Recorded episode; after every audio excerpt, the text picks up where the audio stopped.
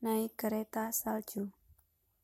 Sepanjang ingatannya, setiap malam tahun baru, keluarganya di desa biasanya selalu pergi ke gunung naik kereta salju. Kuda-kuda penarik kereta dibersihkan dan didandani untuk menyambut tahun baru. Dan kereta saljunya dipasangi giring-giring dan lentera api sebagai penerang pada malam hari. Kadang-kadang salju sepanjang jalan telah dipadatkan terlebih dahulu menggunakan mesin, supaya kuda tidak terjebak dalam tumpukan salju lunak. Perjalanan ke gunung adalah sebuah tradisi pada malam tahun baru. Tidak boleh naik ski atau skuter, tapi harus naik kuda dan dokar salju. Kalau Natal disebut orang sebagai saat-saat penuh keajaiban, Perjalanan ke gunung naik kereta salju inilah petualangan musim dingin yang sesungguhnya. Segalanya terasa berbeda pada malam tahun baru. Anak-anak dan orang dewasa bersama-sama dalam keriuhan, dan inilah satu-satunya kesempatan dalam setahun untuk berkumpul dengan seluruh keluarga. Hanya dalam waktu semalam, mereka bisa menghabiskan tahun yang lama dan memasuki tahun yang baru. Mereka seperti menarik garis batas antara yang sudah terjadi dan yang akan datang. Selamat tahun baru dan terima kasih untuk tahun yang telah berlalu. Ana sangat menyukai perayaan malam tahun baru, dan dia tidak terlalu yakin apa yang disukainya. Perjalanan naik menuju puncak gunung untuk merayakan habisnya tahun atau perjalanan turun kembali pada tahun yang baru sambil terbungkus serimut wol dalam dekapan mama, papa, atau kerabatnya yang lain. Namun pada malam tahun baru saat tanah berusia 10 tahun, sama sekali tidak ada salju, baik di dataran tinggi maupun di lembah. Walaupun suhu dingin telah menancapkan giginya cukup lama di kawasan tersebut, selain dari beberapa gundukan di sana-sini, pegunungan tidak bersalju sama sekali.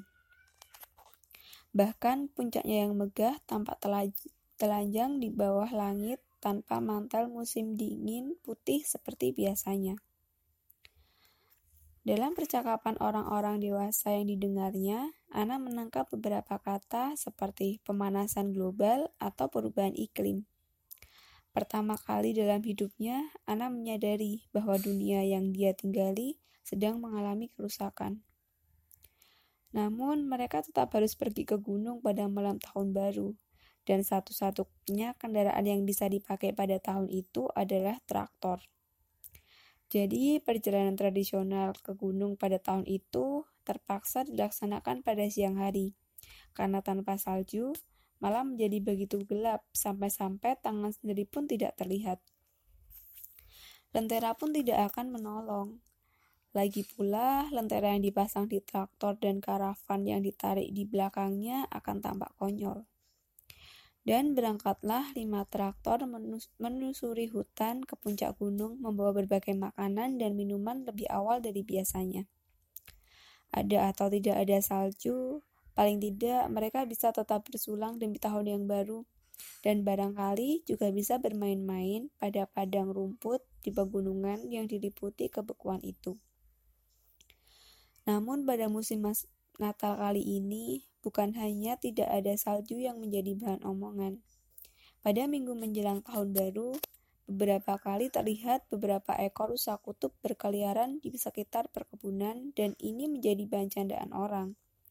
Mungkin si kelas ketinggalan beberapa rusa kutubnya sewaktu membagikan hadiah pada malam Natal.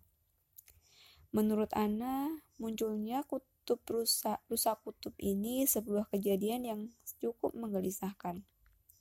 Belum pernah terjadi sebelumnya rusa kutub berkeliaran sampai ke wilayah pemukiman desa. Di salah satu rumah peternakan, orang-orang mencoba memberi makan pada hewan-hewan yang ketakutan itu. Tapi berita di koran malah berbunyi rusa kutub menyerbu desa. Sebuah arak-arakan traktor dan karavan sedang menuju gunung pada hari terakhir di bulan Desember. Dan anak bersama sejumlah anak-anak lainnya duduk di karavan terdepan. Semakin tinggi mereka mendaki gunung, tampaklah landscape yang beku, bening seperti gelas. Dan jika hujan turun tepat sebelum datangnya hawa dingin, maka seluruh permukaannya menjadi begitu licin. Ketika mereka melintasi sebuah bangkai binatang di pinggir jalan, berhentilah seluruh arak-arakan traktor. Binatang yang mati itu seekor rusa kutub yang membeku. Lalu salah seorang laki-laki dalam rombongan berkata, mungkin binatang itu mati karena kekurangan makanan. Ana tidak terlalu mengerti, namun kemudian saat mereka sa sampai di puncak gunung dan dilihatnya lah bagaimana seluruh landscape telah membeku, sekadar memungut batu kecil atau mencabut akan rumput sudah tidak memungkinkan karena sedemikian bekunya.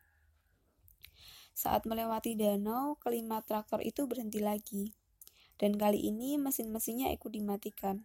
Katanya sih lapisan es itu aman, dan semua orang dewasa serta anak-anak memandangi danau itu. Lapisan esnya tebus pandang, dan meledaklah sorak-sorai ketika salah seorang berseru mereka melihat ikan forel yang berenang-renang di bawah lapisan es. Tidak lama kemudian, mereka sudah bermain-main bola dengan tongkat bandi atau hoki. Mereka serta kereta luncur.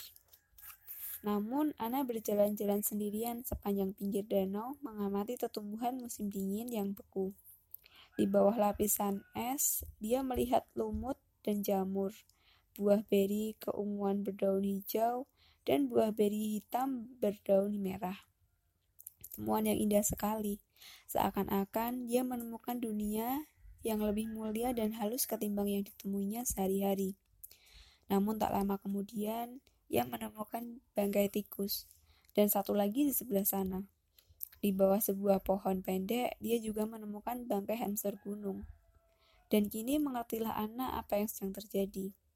Dan seketika, seperti menyadari berakhirnya sebuah cerita indah, Setahunya, tikus dan hamster hutan bertahan hidup pada musim dingin di antara pepohonan perdu dan berlindung di bawah lapisan salju yang lembut di pegunungan.